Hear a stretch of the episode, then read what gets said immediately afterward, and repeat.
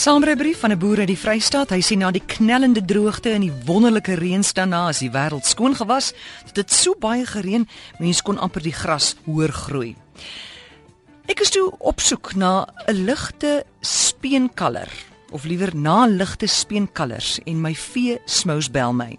Hy het kalvers en ek moet kom kyk. Ek klim dadelik in my bakkie en ry die 30 km na sy krale toe. Opgewonde loop ek na die kraal, die kalvers is mooi en ek is tevrede. Toe sien ek die baie jong vier klein kalfies in 'n kraal langs aan. My hart gee ruk en ek vra uit oor hulle. Die boer het nie veiding of kos vir hulle maas nie. Hy moes hulle noodgedwonge speen om die koeie te red.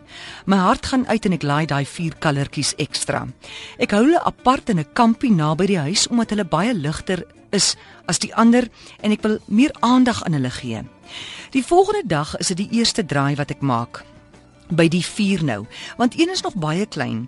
Jong, en ek sien daar's fout met sy oë, want hulle traan aan mekaar. Die traanspore loop tot onder die kakebeen. Ek ondersoek sy oë en vind niks fout nie. Ek bel my pa wat al 'n senior boer is en vertel wat aangaan. Hy sê my seun, die kalfie huil.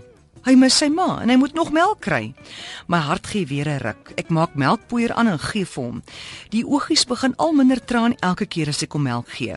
My vrou vat hom in haar sorg en hy hou toe op met huil want hy het 'n nuwe ma. Hy bok spring voor melk gee tyd en sommer daarna. Dis oggend, middag en aand se stories. Hy kry 'n naam, Hansie, en hy word groter en groter en hy huil nie meer nie.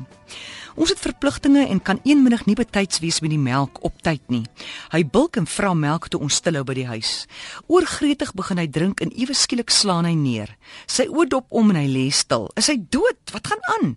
Ons vryf sy lyf en druk op die ribbekas om lewe in hom te kry. Hy word wakker en staan wankelrig op. Hy hoes en proes 'n paar keer en drink asof niks gebeur het nie. Dankie Vader, hy lewe.